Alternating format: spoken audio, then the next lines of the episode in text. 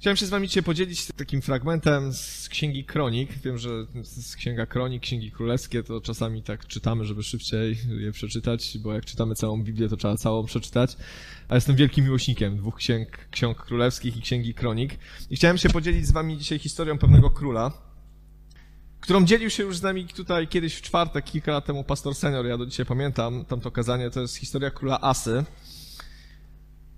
W historii Izraela zdarzali się królowie, którzy byli reformatorami, którzy reformowali pewne rzeczy. Ale żeby coś można było reformować, to coś się musi zdeformować. I król Asa był takim królem, pierwszym z tych e, władców, którzy zwracali serce Izraela z powrotem do Boga.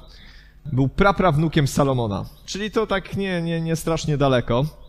Mm, znamy tą historię, ja też tylko tak pokrótce przedstawię, żebyśmy mieli, żebyśmy mieli kontekst. Mamy króla Dawida. Król Dawid umiera, e, zostawia swojego syna Salomona. Salomon trwa przy Bogu, jest obdarzony wielką mądrością, państwo niesamowicie się rozwija, niesamowicie się bogaci, e, ale Salomon pod koniec swojego życia od Boga powoli zaczyna odchodzić na rzecz różnych kultów religijnych, które tam przybywały do Izraela razem z jego nowymi żonami. Serce Salomona powoli odwraca się od Boga i Pan Bóg mówi, że on złożył obietnicę Dawidowi, że na tronie Dawida będzie zasiadał zawsze jego potomek. I że nie zabierze królowania Salomonowi ze względu na to, że się odwrócił od Boga, ale przekazuje władzę nad jedenastoma plemionami Jeroboamowi. Więc królestwo Izraela po śmierci Salomona rozpada się na dwie części. Na północną, część, gdzie królem jest Jeroboam i gdzie od początku do samego końca istnienia tego państwa jakby ta prawdziwa wiara, e, prawdziwa wiara, nie lubię tego sformułowania, gdzie jakby to, to ten zakon, który zostawił Pan Bóg Izraelowi nie jest tak istotny. Oni sobie robią swoją formę, Jeroboam tworzy e, dwie świątynie w Betelu i w Dan, tam każe e, Izrael, Izraelitom pielgrzymować, ale w Jerozolimie zostanie królem syn Salomona, Rehabeam, albo tam w innych tłumaczeniach y, tam Roboam.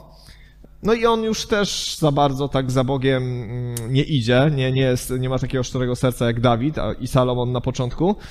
On umiera, później zostaje królem jego syn, Abiram, a po tym Abiramie, ten Abiram to już całkowicie nie idzie za Bogiem, już się odwraca i później królem zostaje Asa, czyli czwarty w kolejności, jeżeli, jeżeli chodzi o Dawida, król w Jeruzalemie, w, w Jerozolimie. No i ciężko miał, bo y, zaczął panować nad państwem, które wcale za Bogiem nie szło. Stała Jerozolima, w świątyni byli kapłani, e, odbywały się różne rzeczy, ale to już nie było takie czyste, to już było zbezczeszczone, były świątynki na wzgórzach, były, były posągi w Jerozolimie, nie takie jak powinny być.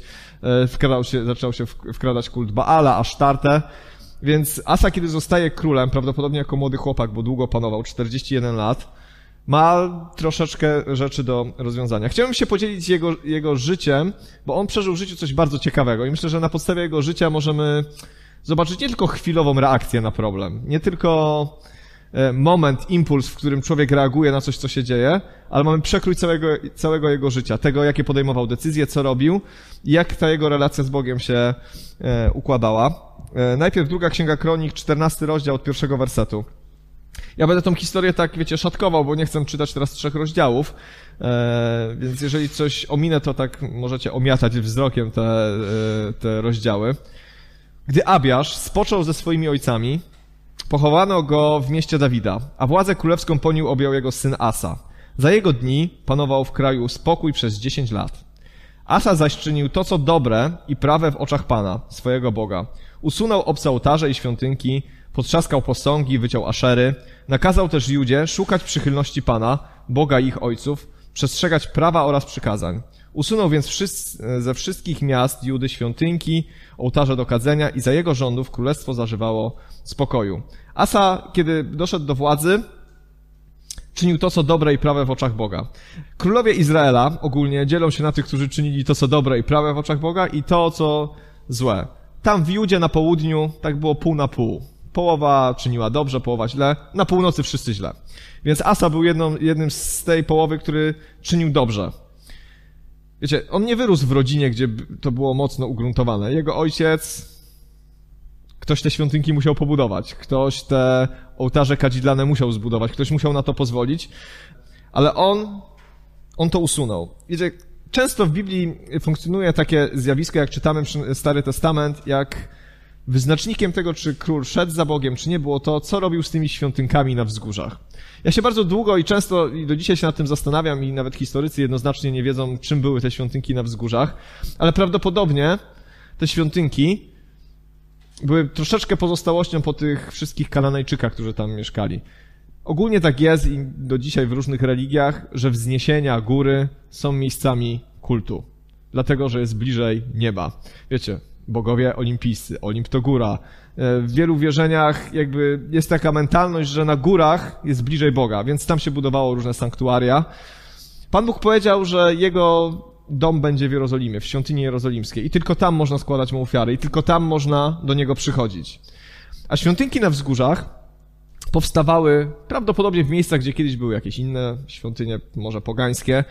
Izraelici tam też sobie tworzyli miejsca kultu, robili sobie ołtarze, takie mini świątynie jerozolimskie. I to nie znaczy, że oni w tych świątyniach oddawali cześć jakimś innym bogom, bo na początku nie. Oddawali cześć Bogu, e, Bogu Jahwe, tak naprawdę. Ale to nie było coś, co się Bogu podobało, ale te świątyni były takim elementem, od którego łatwo było zacząć tą zmianę. To taki pierwszy krok nieposłuszeństwa. Tylko w Jerozolimie, a oni do Jerozolimy jest kawałek drogi, musimy się pofatygować, nie zawsze jest takie łatwe. Tu mamy takie ładne wzgórze, może tutaj postawimy sobie jakąś świątynkę, będziemy mieli bliżej, załatwimy sobie jakiegoś lewitę, kapłana, on tu będzie składał nam ofiary. I to tak mniej więcej zaczęło funkcjonować. Później w tych świątynkach zaczęto też składać ofiary innym bogom, wiecie, takim lokalnym może bardziej, albo ten Bóg Jahwe zaczął przybierać nie taką formę, jaką powinien mieć, tam gdzie w Jerozolimie dbali o to kapłani, lewici, to te świątynki żyły takim swoim życiem i, i stały się miejscem, które Panu Bogu się nie podobały. Więc ten król Asa usunął te wszystkie świątynki, poburzył ołtarze, potrzaskał posągi, wyciął aszery, czyli takie słupy, które stawiano, e, którym oddawano cześć. Odważył się. Wiecie, to też nie było łatwe z punktu widzenia króla, ktoś tym zarządzał, ktoś z tego czerpał pieniądze, komuś się to nie podobało, e, że jak to nagle tracimy pracę, tracimy jakiś zarobek, ci kapłani na pewno nie byli zadowoleni, lokalna ludność na pewno nie była zadowolona, ale był człowiekiem odważnym, ale tu jest ten werset czwarty mówi o tym, że nakazał też Judzie szukać przychylności Pana. Chciałbym, żebyśmy to zapamiętali. Nakazał Judzie szukać przychylności Pana. Asa, na tyle na ile mógł i na tyle na ile rozumiał, zrobił porządek. Na tyle, na ile ktoś mu wytłumaczył jako młodemu człowiekowi, chciał zrobić porządek z tym, co zastał. To, co pierwsze rzucało mu się w oczy, to to, że trzeba poburzyć te świątynki, że trzeba poburzyć ołtarze, że trzeba pościnać te aszery, że nie może być jakiegoś innego kultu. E, oczyścił jakby z takiej pierwszej nieczystości e, e, Judę i nakazał szukać przychylności Pana i przestrzegać prawa, ojców przestrzegać e, przykazań. Czytamy później, że za jego czasów było 10 lat pokoju. Miał 10 lat, kiedy to wszystko poczyścił, kiedy porobił te porządki, kiedy szukali przychylności Pana. A po 10 latach przyszła próba. Po 10 latach wybuchła wojna. Czyli tak to jest w naszym życiu, że mamy różne etapy, yy, są w naszym, w naszym chodzeniu za Bogiem. Kiedy się nawracamy, kiedy Pan Bóg nam otwiera oczy, kiedy nagle widzimy, że nasze życie wymaga zmiany. I są takie rzeczy, które widzimy od razu. Jakieś złe zachowania, wiecie, nałogi, e, bardzo ewidentnie grzeszne rzeczy. Bo czytamy Biblię i wiemy, co jest grzechem, a co nie, więc bardzo szybko Słowo Boże nas konfrontuje z tym, co jest dobre, a co złe. Duch Święty nam to potwierdza. Więc to samo zrobił Asa. To, co widział, to, co zauważył, poburzył, zniszczył. E, zrobił porządek. Oczyścił to, co mógł oczyścić. To, co od razu mu się wydawało złe. My często, ja tak mam i, i miałem tak na pewno po swoim nawróceniu, że sprawdzałem swoje życie bardzo często. Do dzisiaj to robię, ale, ale wtedy było dużo do sprawdzania. W tym sensie, że widziałem wiele rzeczy, które są do zmiany, które wymagają poprawy, które się Bogu nie podobają. Podejście do rodziców, do autorytetów, do zwierzchności to, to nagle jakby zaczęło być dla mnie ważne, dlatego że otworzyły mi się oczy. Chciałem się zmienić. I te 10 lat Asa spędził na porządkowaniu swojego życia, porządkowania Judy. Ale po 10 latach przychodzi moment, w którym ta Juda, do tej pory bezpieczna, 10 lat pokoju to dużo. W tamtych czasach to bardzo dużo. W czasach, kiedy wiecie, co chwilę były jakieś łupieżce, łupieżce wyprawy, jacyś, wiecie, nomadzi z pustyni, jacyś Arabowie atakowali, więc w, tym, w tamtym czasie 10 lat pokoju to było bardzo dużo. Można było dużo zrobić i ten czas Asa dostał, żeby pewne rzeczy poukładać. Po 10 latach wybucha wojna. Czy wybucha wojna? Juda zostaje najechana przez Kuszytów i Libijczyków. I czytamy tam, że mm, to jest od wersetu, to jest, to jest ciągle 14 rozdział od 9 wersetu. Przeczytam ten fragment. Przeciwko tym wojskom, tam jest wcześniej fragment opisany, ile, ile Asa miał wojska, mniej zdecydowanie niż tutaj. Przeciwko tym wojskom ściągnął pod Mareszem Zerach, Kuszyta, w sile tysiąca tysięcy i trzystu rydwanów. Asa wyszedł mu naprzeciw i stanął do bitwy w dolinie Sefata pod Mareszą. Wiecie, tysiąc tysięcy to jest milion. To jest jakaś totalnie jak na tamte czasy astronomiczna liczba. Milionowa armia. To jest jakby...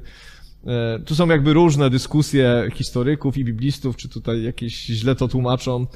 No, Napoleon atakował Rosję na początku XIX wieku z milionową armią, więc jakby milionowa armia. Jeżeli to nawet jest y, niedokładna liczba, milion, to ich było tak dużo, że prawdopodobnie nie mogli tego policzyć. Po prostu było ich multum.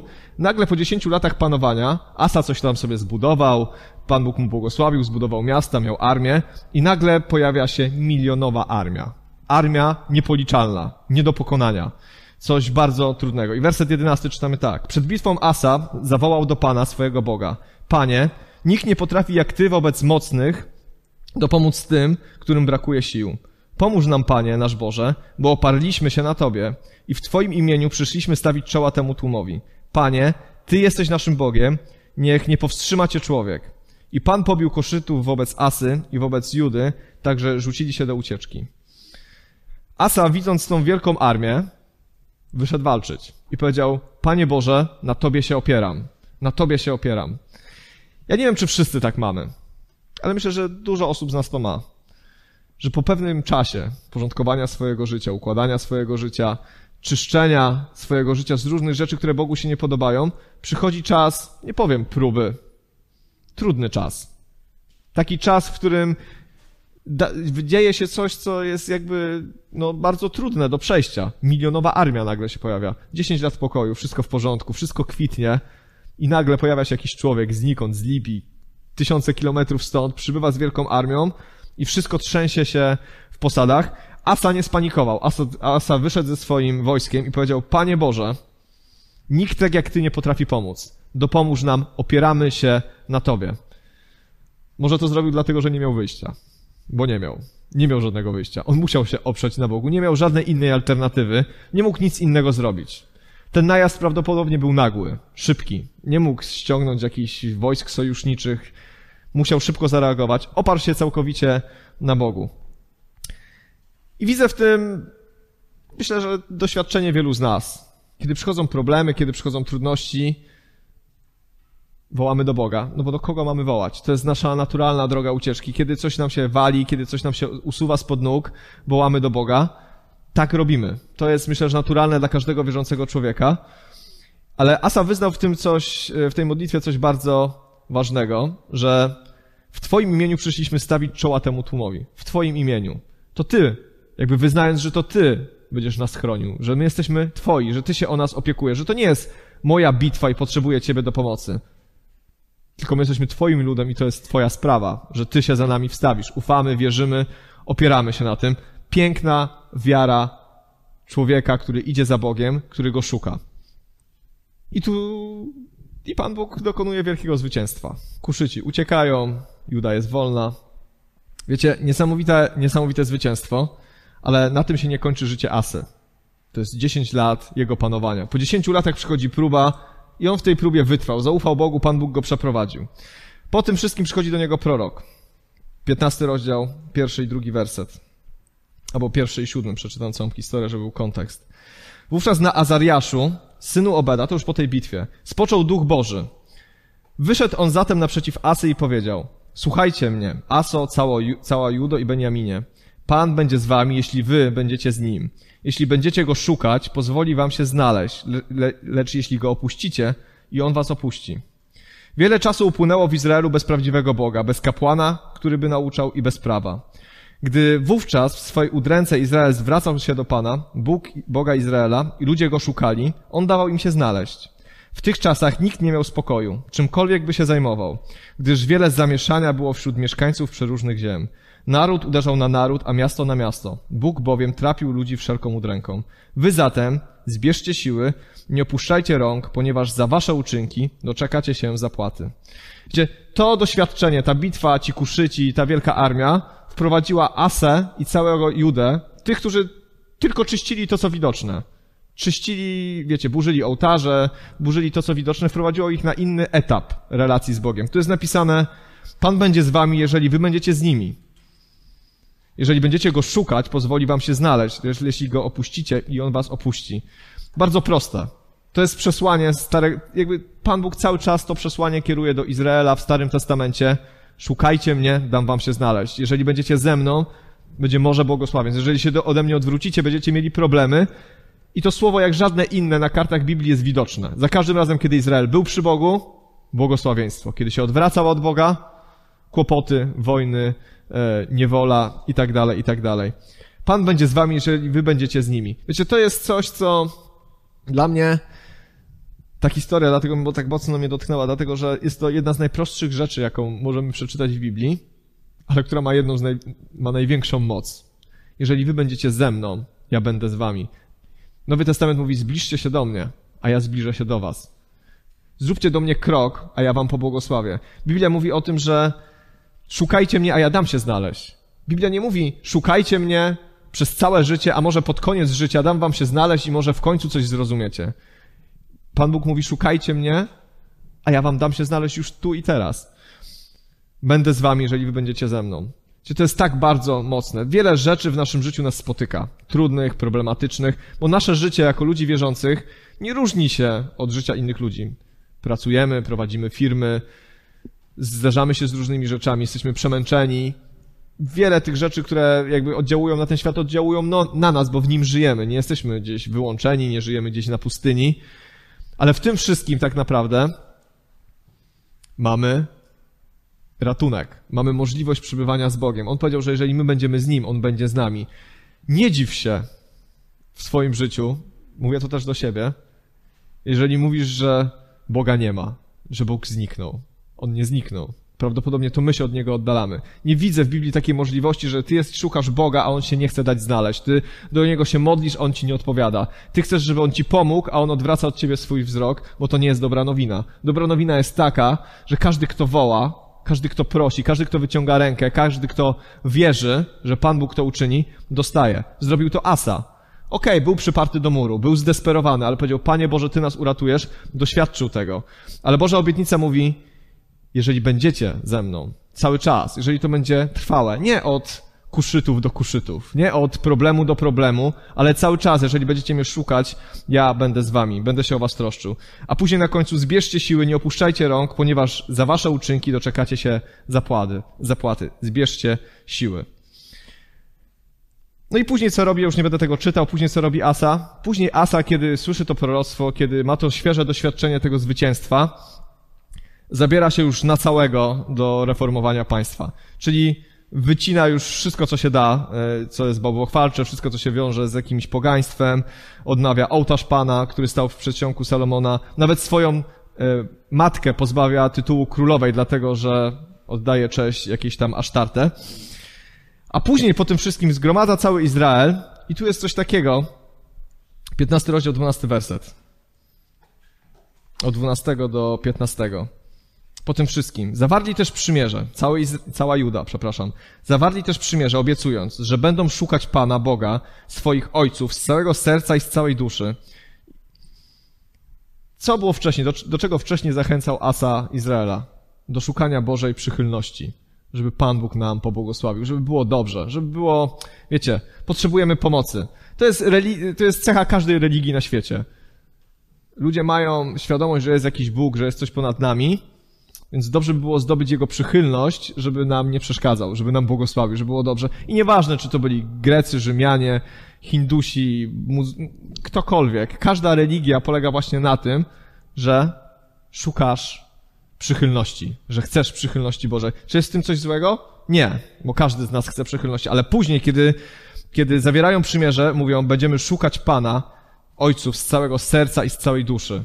Z całego serca i z całej duszy, to znaczy chcemy Go poznać, chcemy być bliżej Niego, chcemy zrozumieć, o co w tym wszystkim chodzi, chcemy uczyć się Jego praw, chcemy w tym wszystkim żyć, nie chcemy tylko przestrzegać rytuałów i zakazów, ale chcemy poznać z, całej serc, z całego serca Boga. A później czytamy w, ty, w tym samym rozdziale, w 15 wersecie, i cała Juda cieszyła się z tej przysięgi, ponieważ ludzie złożyli ją całym sercem i zaczęli szukać go z najlepszej, w najlepszej chęci. Pan też podał, dał im się znaleźć i podarował im zewsząd wytchnienie. Pan Bóg dał im się znaleźć. Następuje 25 lat pokoju. 10 lat to dużo, ale po tej bitwie następuje 25 lat pokoju w Judzie. Jest spokój. Ludzie szukają Boga, kapłani nauczają, e, ludzie poznają pismo, szukają Boga z całego serca, lud szczerze na to zareagował. No jest przebudzenie, jest poruszenie w Judzie. Oni wracają do Boga. Po tych, wiecie, wszystkich bożkach Salomona, Roboama, Abirama, zaczynają wracać do Boga. Ich serce się budzi, bo Pan Bóg okazał im swoją chwałę. Pan Bóg im zrobił coś w ich życiu. Tak jest w nas. Nie wiem, czy też tak mieliście, ale kiedy doświadczamy Bożego dotknięcia w swoim życiu, nieważne gdzie, czy w kościele, czy na konferencji, czy w domu, czy Pan Bóg ratuje nas z czegoś, jest entuzjazm, jest radość, jest ogień. Chcemy zmienić swoje życie, chcemy szukać Boga bardziej. I przychodzi czas pokoju. 25 lat. Dużo czasu. Drugi raz ta historia mogłaby się skończyć. Mogłaby się skończyć po bitwie z kuszytami, mogłaby się skończyć tutaj. W sumie 35 lat pokoju, no, z drobną przerwą z tą jedną bitwą.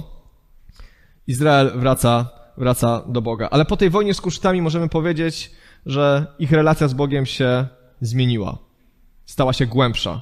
Stała się czymś bardzo mocnym. Wiecie, kiedy myślę o doświadczeniach i próbach w naszym życiu, w życiu każdego z nas, to możemy na to patrzeć tak jak ten człowiek, któremu córki się utopiły w Atlantyku. Jako Boże, dlaczego? To Twoja wina. Dlaczego to się stało? Co ja takiego złego zrobiłem? Albo możemy zaśpiewać Błogo mi w Panu mam wieczny dział. Wiecie, próby polegają na tym w naszym życiu, że możemy się załamać i oskarżać Boga, dlaczego coś mi się w życiu nie udało, dlaczego zmarnowałem tyle lat, dlaczego cierpię, dlaczego choruję, dlaczego rodzina mi się rozpada. Albo możemy zacząć szukać Boga, możemy szukać Jego odpowiedzi jak ci kuszyci i mieć świadectwo Bożego działania, jeżeli Mu zaufamy, jeżeli, jeżeli będziemy na Nim polegać, a to powoduje, że nasze życie wzrasta. Każde doświadczenie, które przeszedłem do tej pory, albo które przechodzę, zbliża mnie do Boga. Ale tylko wtedy, kiedy idę do Boga.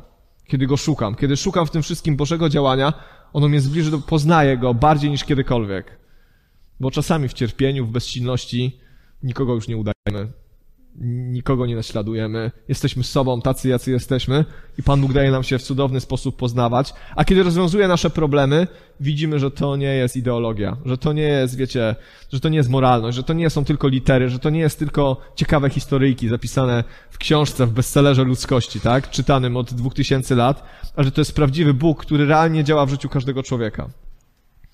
No Izrael przez 25 lat żył i Asa w takim, z takim podejściem. Ale po tych 25 latach można było powiedzieć, była zwycięska bitwa, jest błogosławieństwo, jest wzrost, już się nic nie powinno dziać do końca. 35 lat panowania. I przychodzi jeszcze jedna próba. Przychodzi jeszcze jeden czas, w którym Asa musi podjąć pewne decyzje. Nie będę też, też całej tej historii, ale wiecie, to Królestwo Północne z tym Królestwem Południowym, z tą Judą, tu byli, tu i tu byli Izraelici, oni tak cały czas to ze sobą wojny toczyli. Więc już od czasów Jeroboama, tego pierwszego króla na północy, te wojny cały czas się toczyły. Przez te 35 lat panowania Asy nie było żadnej wojny z północą, ale w pewnym momencie król, e, który rządził Izraelem na północy, zaatakował Asę. No i postanowił po prostu zdobyć Jerozolimę, zdobyć to miasto Rama, chciał je oblegać. No i Asa, co Asa zrobił? Asa wysłał posłów do, do władcy, y, który mieszkał w Damaszku, do Ben-Hadada.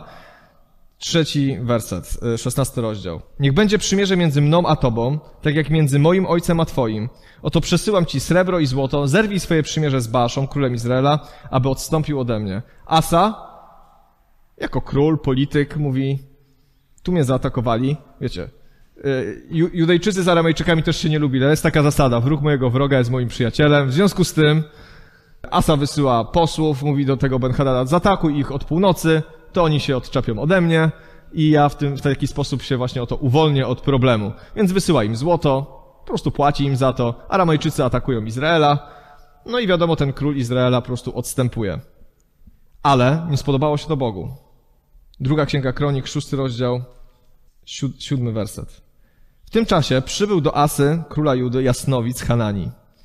I mówi tak, ponieważ oparłeś się na królu Aramu, powiedział, zamiast oprzeć się na Panu, swoim Bogu, dlatego wojsko króla Aramu wymknieć się spod kontroli. Czy Kuszyci i Libijczycy nie byli bardzo licznym wojskiem, zbrojnym w rydwany jeźdźców? Mimo to, gdy oparłeś się na Panu, wydał ich w Twoje ręce. Pan bowiem przegląda całą ziemię, by wzmacniać tych, którzy trwają w nim całym sercem.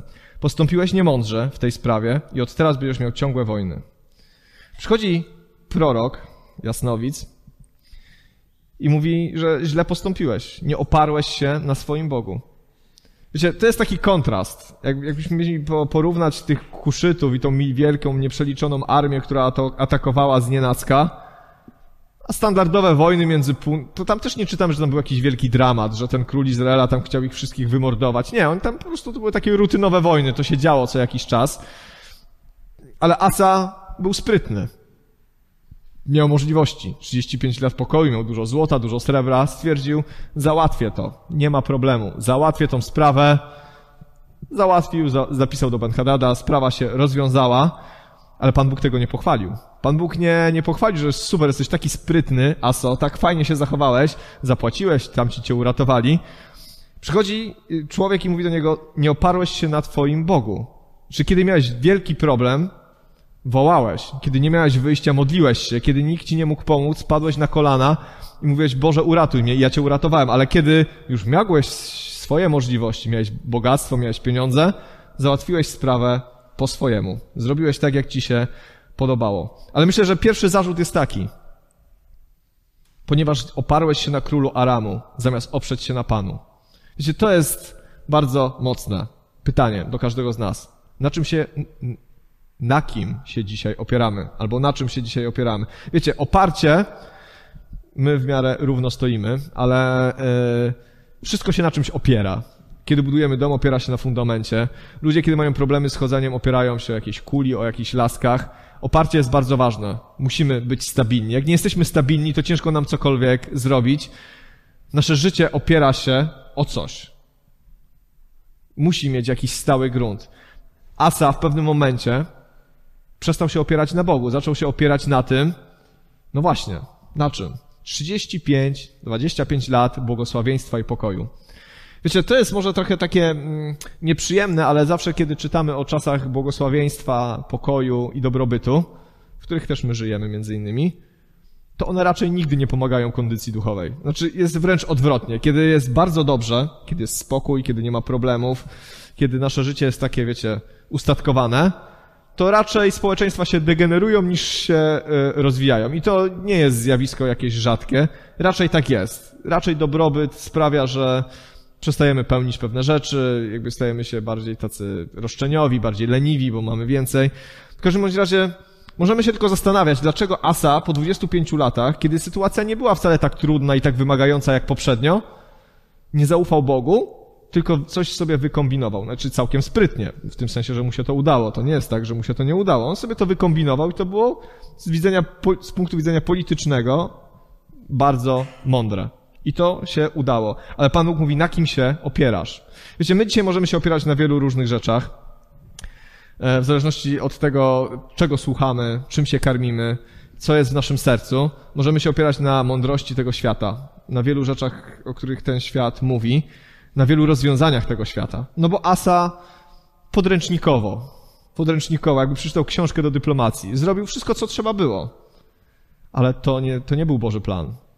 To nie był Boży plan. Bo Pan Bóg, kiedy daje się poznać, to nie jest dodatkiem do naszego życia. I myślę, że to był główny zarzut do Asy. Nie oparłeś się na mnie, nie zaufałeś mi, a później, bo Pan Bóg przegląda całą ziemię, by wzmacniać tych, którzy trwają przy Nim całym sercem. Przy Nim całym sercem. Pan Bóg nie daje się nam poznawać po to, żebyśmy mieli bardziej szerokie horyzonty, żebyśmy byli ciekawszymi ludźmi, albo żeby nasza moralność była bardziej y, jakby taka lepsza niż ludzi obok, ale Pan Bóg, kiedy daje nam się poznać, On chce poznać człowieka. To jest relacja. To nie jest zapisanie się gdzieś, to nie jest dopisanie się do jakiejś listy, to jest wejście w relację z Bogiem, który nie chce naszych modlitw, kiedy jest nam ciężko tylko, ale chce nas całych, chce naszego życia, chce naszego oddania, chce, żeby mu ufać. Wiecie, ta sytuacja mówi o tym, że Pan Bóg był troszeczkę zazdrosny. Nie zaufałeś mi. Wymyśliłeś coś sobie, nie przyszedłeś z tym do mnie, miałeś problem, ja cię kocham, chciałbym ci pomóc, a ty idziesz z tym, wymyślasz sobie coś, robisz swoje, a przecież ja bym ci pomógł. Nawet byś tych pieniędzy pewnie nie stracił. Ale, ale ty zrobiłeś po swojemu. Wiecie, to nie jest wyrzut kogoś, kto kogoś karci, bo się nie zachował podręcznikowo. To jest wyrzut taki bardzo emocjonalny, bym tak powiedział. To jest jakby Bóg, który kocha człowieka, kocha swój naród i chce tej wzajemności, chce tej bliskiej relacji, chce traktowania się poważnie. Chce tego, żeby mu ufać, chce tego, żeby z nim rozmawiać, chce tego, żeby z nim do niego uciekać z każdą prośbą, a nie żeby tylko wołać do niego albo przestrzegać rytuałów. Wiecie, i ci, którzy trwają przy nim całym sercem. Pan Bóg rozgląda się i szuka po ziemi tych, którzy trwają przy nim całym sercem. Nie trochę. Nie trochę. Wiele naszych problemów dzisiaj, moich problemów dzisiaj wynika z tego, że moje serce jest rozproszone, rozbiegane w wielu różnych dziedzinach. Że nie we wszystkim ufam Bogu. Że nie we wszystkim jesteśmy w stanie Mu zaufać, bo mamy swoje podręczniki, bo mamy swoją wiedzę, bo mamy swoje mądrości, bo mamy swoich psychologów, bo mamy YouTube'a, bo mamy, wiecie, bo możemy sobie coś obejrzeć i nam tam wytłumaczą, co mamy zrobić. Mamy tutoriale na wszystko dzisiaj. Od przybicia, e, wiecie, e, obrazka do ściany po rozwiązywanie problemów alkoholowych. Dzisiaj ten świat ma taką wiedzę nagromadzoną, że wszystko możemy wyczytać. Ale Pan Bóg nie chce, żebyśmy coś wyczytywali. Chce i pragnie tego. Znaczy, ja nie mówię, że wiedza jest zła, ale chodzi mi o to, że my jako ludzie wierzący, jeżeli nie mamy tej bliskiej łączności z Bogiem, jeżeli ją, jeżeli ją, może inaczej, jeżeli ją mamy, ale nad tą relację z Bogiem przedkładamy inne rzeczy, mądrość tego świata, poglądy tego świata, co wypada, co nie wypada, co trzeba, co nie trzeba, Pan Bóg nie jest zadowolony, dlatego że On chce nas. Chcę, żebyśmy to my z Nim rozwiązywali te problemy. Chcę, żebyśmy my do Niego przychodzili, nawet jeżeli jest nam ciężko. Postąpiłeś niemądrze, mówi prorok do, e, do Asy. Postąpiłeś niemądrze, zachowałeś się lekkomyślnie, bo dałem Ci się poznać, bo objawiłem Ci swoją chwałę, bo przyszedłem do Ciebie, bo Cię ratowałem i chcę Ciebie, chcę być blisko Ciebie. Jak to się skończyło?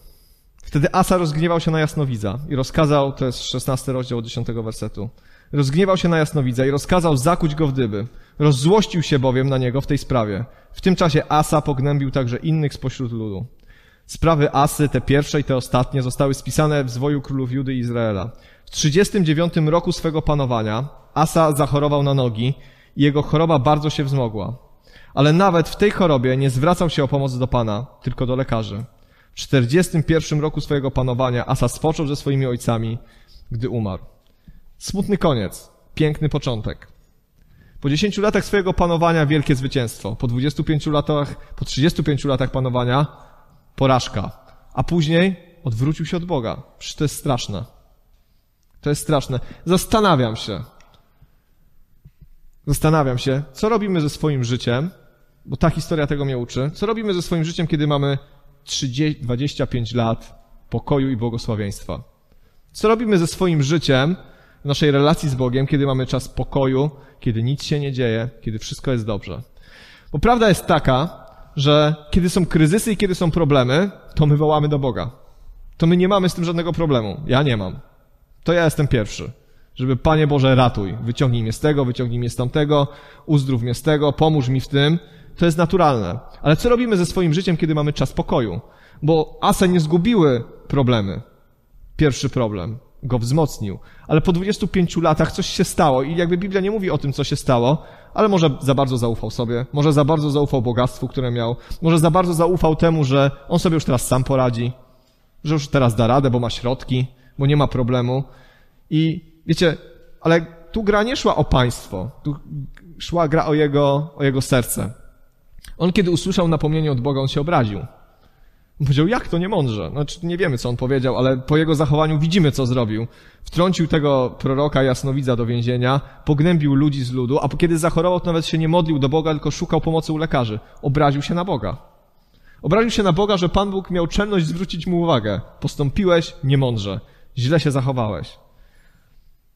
i piękne swoje panowanie, i piękne swoje życie gdzieś mu się rozjechało. Wiecie, Biblia o tym mówi, że nie, nie początek zbawia, lecz koniec.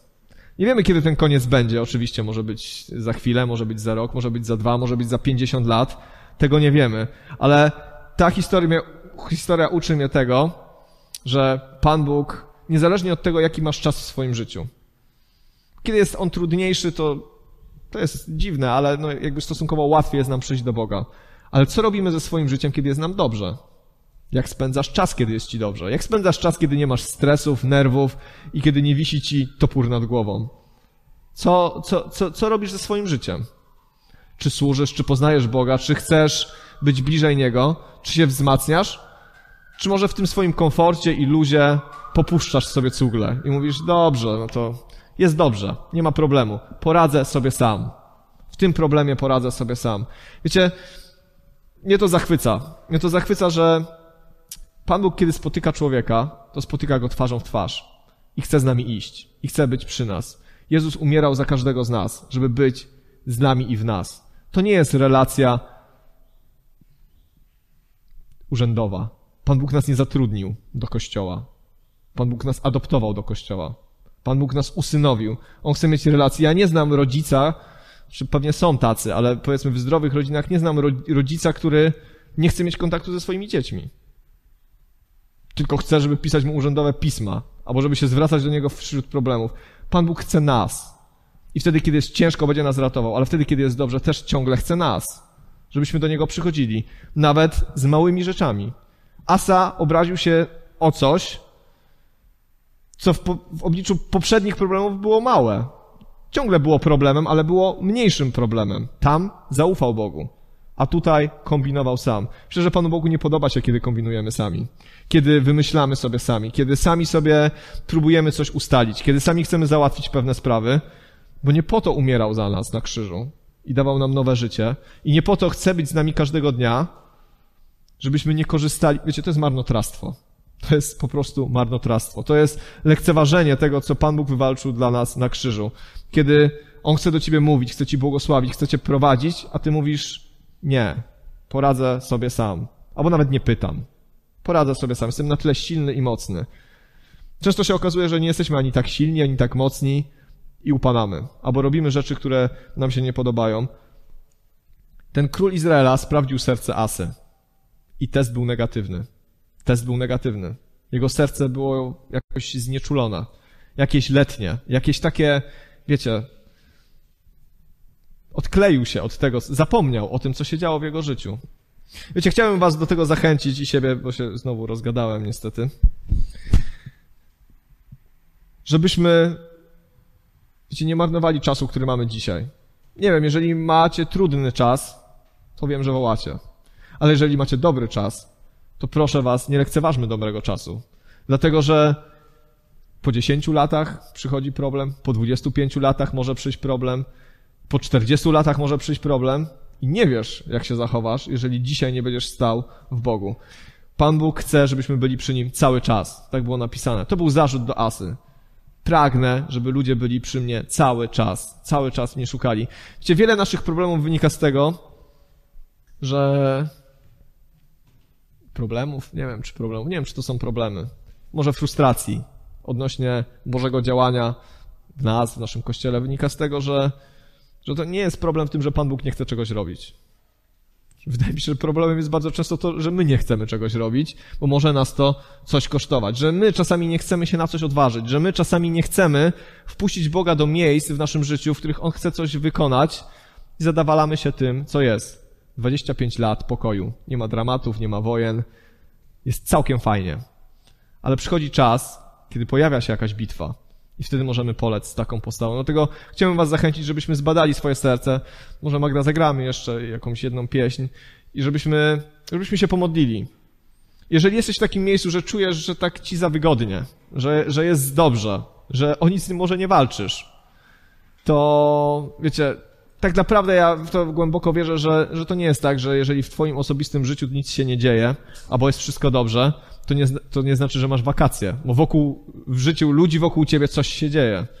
Ludzie potrzebują ciągle Zbawiciela, ciągle potrzebują ratunku. W naszych rodzinach, nasi przyjaciele, nasi znajomi. Ludzie potrzebują dzisiaj Chrystusa, bo On jest odpowiedzią tak naprawdę na wiele, na wszystkie nasze problemy. Dlatego powstańmy, pomódlmy się, zawołajmy do Boga, zbadajmy też przed Bogiem swoje serca.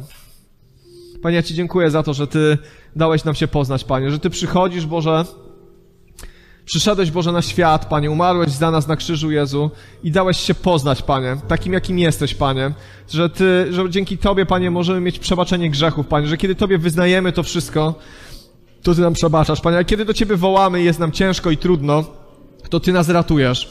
Dziękujemy Ci za to, ale tak bardzo proszę Cię, zbadaj nasze serca, Panie. Zbadaj nasze serca, Panie. Czy może nie jesteśmy, Panie, ludźmi, Boże, którzy którzy po takim czasie, Panie, Twoich błogosławieństw, Panie, spokoju w swoim życiu, dobrobytu może, gdzieś się zagubiliśmy, Panie, nie daj nam zletnieć, Panie, nie daj nam, Boże, być ludźmi, Panie, którzy stracą czujność, Boże, i uwagę. Chcemy być blisko Ciebie cały czas. Nie wiemy, co się wydarzy jutro, Panie, ale wiemy, że tak dużo rzeczy, Panie, chcesz przez nas robić na tym świecie, Boże, że tak wiele osób dzisiaj potrzebuje usłyszeć Ewangelię, Panie, że tak wiele osób dzisiaj potrzebuje dowiedzieć się, że jest zbawienie, że jest ratunek, że jest łaska, że jest przebaczenie grzechów, że jest radość, że jest poczucie sensu w tym życiu, Panie. I proszę Cię, nie daj nam, Boże, być ludźmi, którzy po prostu się zasiedzą, Panie. Tak bardzo Cię o to proszę, Panie. Proszę Cię o to, żebyśmy mieli tą czujność w swoim sercu, żebyśmy nie lekceważyli niczego, co nas spotyka, żebyśmy ze wszystkim uciekali do Ciebie, żebyśmy nie zostawiali nic sobie, Panie, nic swojemu intelektowi, Panie, naszym sposobom, naszemu sprytowi, Panie,